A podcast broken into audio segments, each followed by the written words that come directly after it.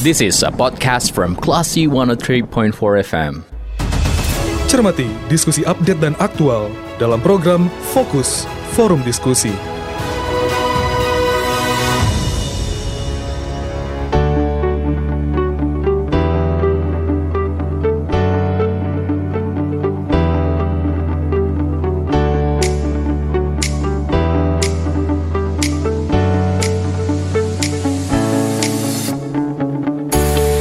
Empat Kelas FM, this is the actual radio. Kelas People, saya sedang mencermati fokus persembahan radio Kelas FM bersama Sidita Indira. Dan pada Sabtu kemarin ya, kita sama-sama tahu kalau harga BBM sudah naik. Lalu bagaimana nasib transportasi umum bagi masyarakat nih? Nah untuk mendiskusikan hal ini, kita sudah tersambung via line telepon bersama dengan pengamat transportasi dari Universitas Andalas. Ada Bapak Yusrizal, kita sapa dulu. Assalamualaikum Pak. Waalaikumsalam warahmatullahi wabarakatuh. Gimana kabarnya sore ini Pak? Alhamdulillah sehat. Alhamdulillah. Baik, Baik Pak. Pak kita oh, mau berdiskusi nih Pak terkait dengan BBM subsidi yang sudah dinaikkan harganya. Menteri Perhubungan sampai saat ini juga belum mengumumkan tarif baru uh, transportasi dan Dinas Perhubungan Provinsi Sumber juga belum mengeluarkan tarif AKDP dan juga AKAP. Nah ini bagaimana Bapak melihat kenaikan BBM yang angka naiknya ini cukup banyak ya Pak ya terhadap tarif iya, untuk kendaraan umum. Ya, uh, kenaikan BBM yang cukup signifikan ini sebetulnya betul apa namanya uh, memukul uh, perasaan masyarakat ya, hmm. karena tiba-tiba uh, diumumkan dan langsung berlaku. Kalau sebelumnya kan ada isu-isu dulu, kemudian yeah. baru uh, dilakukan eh, perubahan. Nah, sekarang uh, angkutan umum pemerintah sendiri pasti men uh, mendapatkan dilema ini uh, untuk menetapkan tarif angkutan umum akibat uh, perubahan harga BBM yang signifikan naiknya ini. Hmm. Ya, di satu sisi angkutan umum kita sekarang ini belum menjadi angkutan favorit atau belum uh, seperti yang dikehendaki oleh masyarakat, mm -mm. sehingga dari tahun ke tahun kita lihat tren uh, peminat uh, naik angkutan umum itu turun, ya kan? Nah sekarang uh, dengan kenaikan BBM ini otomatis uh, biaya operasional dari angkutan umum ini akan naik. Nah naiknya oh, biaya operasional tentu nanti juga menuntut uh, adanya penyesuaian tarif. Nah penyesuaian tarif ini mungkin uh, akan kembali lagi kepada pengguna. Pengguna dalam hal ini tentu akan berpikir apakah saya akan tetap menggunakan angkutan umum atau saya memilih opsi lain. Nah ini yang yang yang uh, sebetulnya ada di kepala masyarakat sekarang itu. Masyarakat bertanya-tanya berapa kenaikan uh, harga tarif angkutan umum yang akan diumumkan oleh pemerintah. Uh, bagi masyarakat yang punya pilihan, maka mungkin dia akan lihat misalnya opsinya tetap naik angkutan umum atau mungkin membeli kendaraan uh, sepeda motor gitu mm -hmm. sepeda motor uh, yang mungkin kalau setelah dibeli mungkin biaya operasionalnya akan jauh lebih rendah daripada kita uh, naik angkutan umum. Mm -hmm. Apalagi kalau perjalanan itu uh, harus menyambung beberapa trip gitu ya, mm -hmm. beberapa rute angkutan. Nah, Uh, saya kira mungkin uh, se seperti itu dulu sementara. Oke, okay, baik Pak. Uh, seperti itu gambarannya. Lalu um, kalau kita melihat nih Pak, Kira-kira apa saja nantinya akan menjadi pertimbangan oleh pemerintah untuk menetapkan tarif baru nih Pak? Untuk menetapkan tarif baru, biasanya tarif itu kan tergantung kepada yang pertama biaya operasional kendaraan, ya kan biaya operasional dari uh, angkutan umum tersebut. Kemudian nanti tentu ada uh, margin atau keuntungan yang uh, disediakan untuk uh, pengelola angkutan umum tersebut. Mm -hmm. Nah, selain dari itu, tentu uh, pemerintah selaku pihak uh, tiga pihak yang yang harus bekerja sama sebetulnya di dalam operasional angkutan umum ya dengan pengguna ya. Maka tentu pemerintah juga memikirkan uh, dari sisi pengguna. Pengguna punya budget uh, untuk transportasi yang uh, mungkin jumlahnya uh, uh, kita kan belum tahu nih apakah ada penyesuaian gaji, ya kan? Mm-hmm. Uh, artinya kalau kita anggap pendapatan masyarakat tetap sekarang, berarti masyarakat punya budget uh, transportasi tertentu yang sekarang ini budget itu mesti ditambah, diperbesar. Artinya masyarakat mesti mengurangi uh, beban uh, anggaran lain atau mungkin masyarakat memangkas biaya uh, transportasinya. Kalau masyarakat mengurangi budget untuk transportasinya, maka uh, uh, atau mungkin dengan besaran budget uh, transportasi yang tetap, tapi mungkin yang mampu dia beli dengan itu ke, akibat kenaikan uh, tarif tadi tentu menjadi berkurang, ya kan? Nah, dalam hal ini uh, pemerintah perlu memikirkan daya beli masyarakat ini. Apakah yeah. masyarakat mampu kalau misalnya harga angkutan umum ini dinaikkan sekian, apakah masyarakat masih mampu menggunakannya? Kalau masyarakat sudah beralih kalau dengan jumlah uh, apa namanya jumlah kenaikan tertentu tadi masyarakat beralih ke angkutan lain, maka tentu operator akan rugi dan tentu juga uh, merugikan uh, dari segi pengembangan uh, sistem transportasi uh, di tengah masyarakat ini oleh pemerintah. Oke, okay, baik. Nah, uh, mm -mm. ya. Oke. Okay. Ya. Nah, dari uh, kondisi saat ini gitu ya, Pak ya dengan uh, rentang kenaikan yang seperti kita lihat sekarang, kira-kira berapa persen nih, Pak, kenaikan tarif untuk angkutan umum kalau melihat situasi sekarang, Pak? Mungkin kalau kita hitung kasar aja ya. Mm -mm. Uh, misalnya kalau kita lihat kenaikan dari BBM ini kan hampir uh, sepertiga ya hampir hmm. sepertiga yeah. atau 30 persen.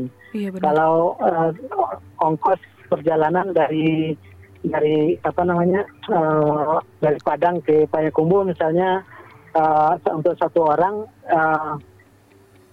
sepuluh uh, ribu, saya nggak tahu berapa sekarang ya mm -hmm. uh, kalau untuk angkutan umum katakanlah sepuluh ribu gitu, sepuluh ribu berapa jumlah penumpang biasanya sepuluh ribu mm. kali sekian. Nah kali sekian itu di, di ini kan dengan bahan bakar kemudian dibagi lagi ke penumpangnya. Saya kira mungkin uh, kisaran masih seputar di bawah lima ribuan uh, kemungkinan naiknya gitu. Hmm. Kalau naik lima ribu itu sudah signifikan sekali, sudah berat sekali masyarakat itu. Paling kalau Padang Payakumbuh mungkin sekitar dua ribu, dua ribu lima ratus mungkin. Itu paling paling paling besar mestinya ya. Hmm. Karena kan dia nanti dikalikan dengan jumlah penumpang sekian, Uh, cuma kan kita mesti berhitung juga nih kalau di dibuat modelnya bisa itu uh, dengan kenaikan harga sekian berapa orang yang masih bertahan di angkutan umum dan berapa yang beralih ke angkutan lain gitu. itu bisa disimulasikan itu. Uh, saya kira uh, saya yakin pemerintah akan melakukan itu survei itu sehingga nanti bisa ditetapkan berapa harga yang yang paling tepat itu untuk tetap tidak merugikan operator tapi juga masyarakat tidak merasa uh, berat. Hmm. Alternatif lain ya tentu pemerintah harus subsidi. Gitu. Subsidi uh, BBM atau bagaimana Pak? Nah ini dia. Sebetulnya kan penyediaan angkutan umum itu adalah kewajiban dari pemerintah. Hmm. Ini yang yang selama ini kita uh, apa kurang tegas me, me, menyuarakannya gitu. Bahwa penyediaan angkutan umum itu adalah kewajiban pemerintah. Dalam hal ini, jika masyarakat tidak sanggup untuk membayar sesuai dengan tarif yang minimal yang masih bisa di, diterima oleh operator, gitu, artinya mm -hmm. operator dengan opera, biaya sekian dia mendapat margin sekian itu mm -hmm. masih bisa diterima, maka pemerintah otomatis harus mensubsidi. Contoh misalnya uh, Trans Padang sekarang atau yeah. mungkin uh, Trans Jakarta atau kereta api misalnya sekarang kan itu subsidi semua ya. Mm -hmm memang di luar negeri pun uh, angkutan umum tuh disubsidi oleh pemerintah. Gitu. Nah hmm. kita kita kan uh, kemarin mengalihkan subsidi itu ke subsidi BBM, BBM khusus untuk angkutan umum. Hmm. Nah uh, ya kalau kita tarik lagi, ini kan sekarang ini kita sudah berada di apa ya di dilema lah ya. Iya. Di undang-undang kita di uh, rencana awal wacana-wacana yang dikembangkan itu sudah betul ya kita mengembangkan angkutan umum, mengembangkan sistem sustainable transportasi gitu ya, mm-hmm. transportasi yang berkelanjutan gitu. Tapi dalam operasionalnya, di dalam prakteknya, baik di pemerintah daerah, pemerintah pusat, semuanya masih uh, tidak sinkron dengan itu. Artinya apa yang uh, modal keuangan yang kita keluarkan itu masih lebih banyak kepada uh, bukan uh, penguatan uh, sustainable transportation tadi. Salah satunya adalah uh, kita belum mendengar ya atau belum melihat seperti apa sih rencana pengembangan angkutan umum di di uh, pemerintah pusat maupun pemerintah daerah kita gitu ya kan yang Hmm. ada hanyalah uh, angkutan umum dibiarkan uh, berjalan seperti apa adanya kemudian uh, karena tidak sanggup untuk me, me- apa mengoperasi apa ya operasional tidak kembali maka Mhm. akhirnya mati sendiri Ah, kita bisa lihat berapa angkutan umum yang beroperasi Padang Bukit Tinggi sekarang. Berapa angkutan umum yang beroperasi di Kota Padang sekarang. Bus kota sudah tidak ada. Angkot juga sudah berkurang. napasnya sudah satu-satu gitu, Mm-mm. ya kan? Angkot angkot kita eh, kalau di apa kita naik sudah jauh berbeda dari, dibandingkan angkot 10 tahun yang lalu. 10 tahun yang lalu mungkin angkot kita sebagian masih ada yang baru, mungkin malahan uh, sebagian di antara sopir-sopir ini kan dia va- apa memberikan variasi-variasi di angkotnya, ada sound system segala macam, bahkan ada TV gitu. Sekarang kan sudah hilang. Kenapa? Karena operasionalnya tidak tertutupi, ya kan? Oke. Sebagian di antara angkutan itu sudah dikanibal. Heeh. Oke baik pak. Em, berarti sebenarnya sampai ke seperti angkutan umum seperti angkot, ketika masyarakat sudah tidak sanggup lagi nih, eh, misalnya membayar eh, ongkos dengan kenaikan tarif yang ada, menjadi tanggung jawab pemerintah. Walaupun pemerintah sudah menyediakan seperti eh, bus eh, trans yang sudah disubsidi. Bus, tra- bus trans ini kan belum men- menjangkau seluruh uh, area ya. Hmm. Eh, Itu sudah bagus, itu bagus. Uh, cuma masih belum menjangkau uh, semua area. Artinya uh, kebutuhan masyarakat akan angkutan lain menjadi uh, masih dominan gitu. Mm, mm, mm. Ya.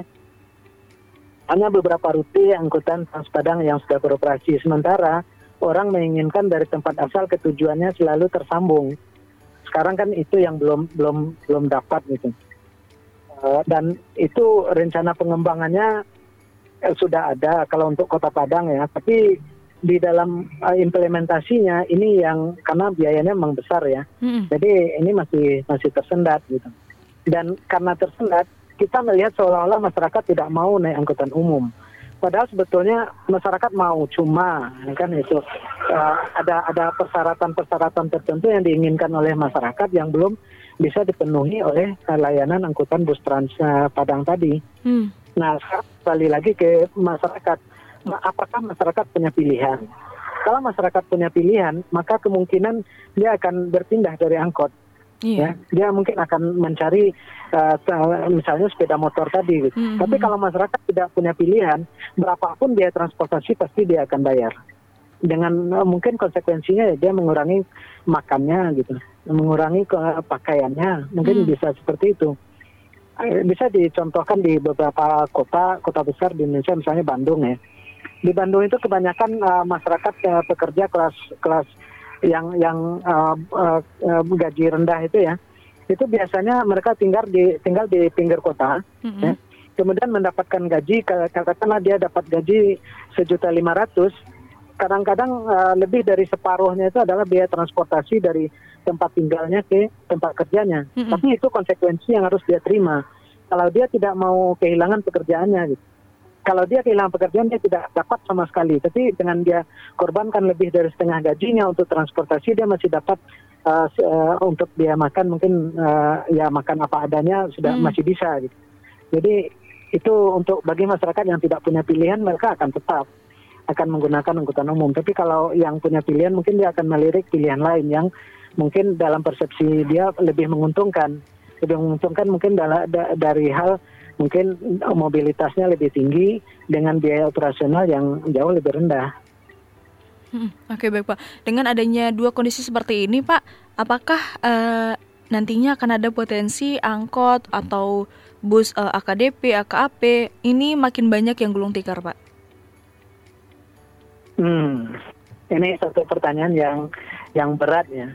Tapi uh, trennya trennya sekarang kita se- sudah lihat gitu bahwa pelan-pelan ini uh, mereka menuju uh, jurang kematian semua, ya kan? Mm-mm. hanya beberapa angkutan uh, uh, apa bus-bus antar kota yang yang kemarin bernafas lagi setelah ongkos pesawat naik ya kan Mm-mm. pada umumnya angkutan umum menuju uh, jurang kehancuran itu kenapa karena uh, memang uh, uh, apa namanya ekspektasi masyarakat kita ini terlalu tinggi, Mm-mm. kemudian uh, angkutan kita tidak mampu memenuhi ekspektasi itu, ya kan? Uh, dan kemudian berkembang angkutan-angkutan lain yang mampu menjawab kebutuhan masyarakat tadi, seperti angkutan-angkutan online. Mm-mm. Angkutan online dan uh, travel-travel yang kalau antar kota travel-travel eksekutif itu ya itu mampu menjawab kebutuhan masyarakat. Masyarakat merasa dihargai, Mm-mm. uh, angkutannya pakai AC dan sebagainya. Kemudian ongkosnya ternyata tidak jauh lebih mahal dibandingkan dengan uh, angkutan uh, bus tadi, Mm-mm. sehingga masyarakat kemudian berpindah. Tapi berpindahnya masyarakat ini pelan-pelan kan uh, angkutan online ini naik juga ternyata, gitu, Mm. ya kan? Akhirnya masyarakat ya uh, sudah kadung uh, menikmati yang yang sudah enak, kemudian ternyata naik. Kalau mereka tidak sanggup membayar, ya mungkin mereka cari opsi lain yang kemungkinan tidak kembali ke angkot. Hmm. Oke, baik Pak. Eh, berarti memang nantinya ini akan membuat masyarakat akan apa ya? kurang kurang dalam minatnya untuk menggunakan transportasi umum ya, Pak ya. Transportasi umum yang bentuknya seperti sekarang. Hmm. Kalau misalnya model uh, Transpadang ini kita kembangkan lebih jauh, misalnya angkot-angkot ini uh, yang uh, mungkin uh, sudah satu-satu nafasnya ini kan Hmm. beberapa sudah di kanibal, itu kalau mereka bersatu menjadi satu uh, bus mungkin akan akan uh, bagus lagi dari sisi bisnis ya. Hmm. Uh, mungkin uh, masyarakat pun uh, kalau uh, Transpadang kan kita lihat masyarakat senang menggunakannya hanya karena rutenya tidak memenuhi keinginan masyarakat saja makanya beberapa rute itu masih belum terisi gitu. Tapi kalau rute yang air tawar ke Pasaraya itu kan lumayan tinggi ya tingkat Mm-mm. penggunaannya. Mm-mm. Oke baik Pak. Dan eh, balik lagi ke kenaikan harga BBM ini Pak, kira-kira apa saja nih Pak dampak eh, ikutannya atau dampak penyertanya bagi transportasi umum pasca kenaikan BBM yang cukup besar ini? Apakah seperti eh, suku cadang akan naik atau apa atau apa gitu Pak dampak lainnya? Ya, eh, kenaikan BBM itu otomatis akan meningkatkan eh, biaya operasional kendaraan. Hmm. Biaya operasional kendaraan eh, baik untuk distribusi barang maupun ja- apa namanya eh, suku cadang dan segala macamnya pasti akan naik Mm-mm. dan otomatis nanti akan ada penyesuaian ke kenaikan gaji. Kemudian di perusahaan sendiri tentu juga karena gaji naik, biaya operasional naik, ini harga jual barang juga harus dinaikkan. Tadi saya eh, di warung tadi ketemu dengan masyarakat, masyarakat mengeluh, ini Pak baru datang ini eh, minuman mineral gitu. Eh, biasanya saya belinya sekian, sekarang sudah menjadi sekian gitu. Nah, jadi hampir semua nanti barang-barang itu akan eh, barang dan jasa akan naik. Itu sudah konsekuensi dari kenaikan eh, harga BBM. Karena BBM ini kan menyangkut ke eh, biaya pengangkut, biaya transportasi, biaya macam-macam itu terkait ya, ke sana semua, iya. Mm-mm. Oke baik Pak.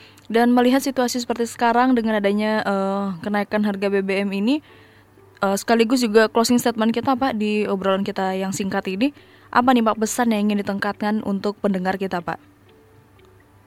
Ya, untuk eh, masyarakat mungkin eh, kita tahu bahwa BBM sudah naik. Tentu eh, untuk menghemat eh, pengeluaran kita, tentu perlu kita pertimbangkan perjalanan-perjalanan. Apakah perjalanan itu penting? Apakah urgen? Kalau penting dan urgen, oke silahkan. Tapi kalau ini hanya perjalanan yang tidak penting dan tidak urgen, mungkin sebaiknya eh, dipertimbangkan lagi untuk di- dilakukan gitu. atau mungkin kita beralih ke eh, eh, opsi-opsi lain yang mungkin bisa lebih hemat seperti misalnya kalau kita berangkat bareng-bareng teman-teman dengan satu mobil kenapa mesti bawa mobil masing-masing?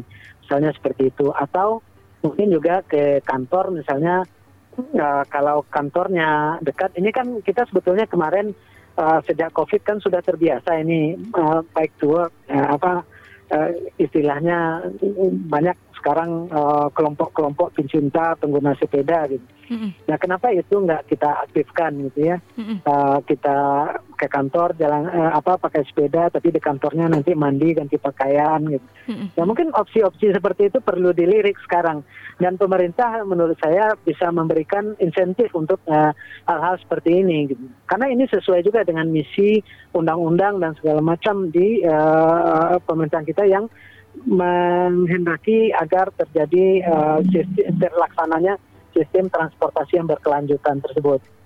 Mm-mm. Oke baik Pak.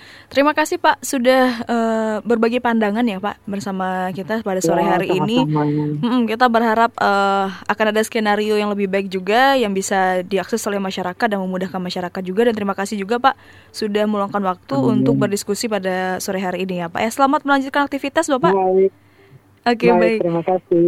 Baik, Assalamualaikum. Assalamualaikum. Waalaikumsalam warahmatullahi wabarakatuh. Kelas People demikian perbincangan kita bersama dengan pengamat transportasi dari Universitas Andalas ada Bapak Yusrizal terkait dengan bagaimana nasib transportasi umum masyarakat. Kalau gitu saya Dita Indira, kita ke program selanjutnya. Terima kasih. Anda baru saja mencermati forum diskusi Onion Classy FM.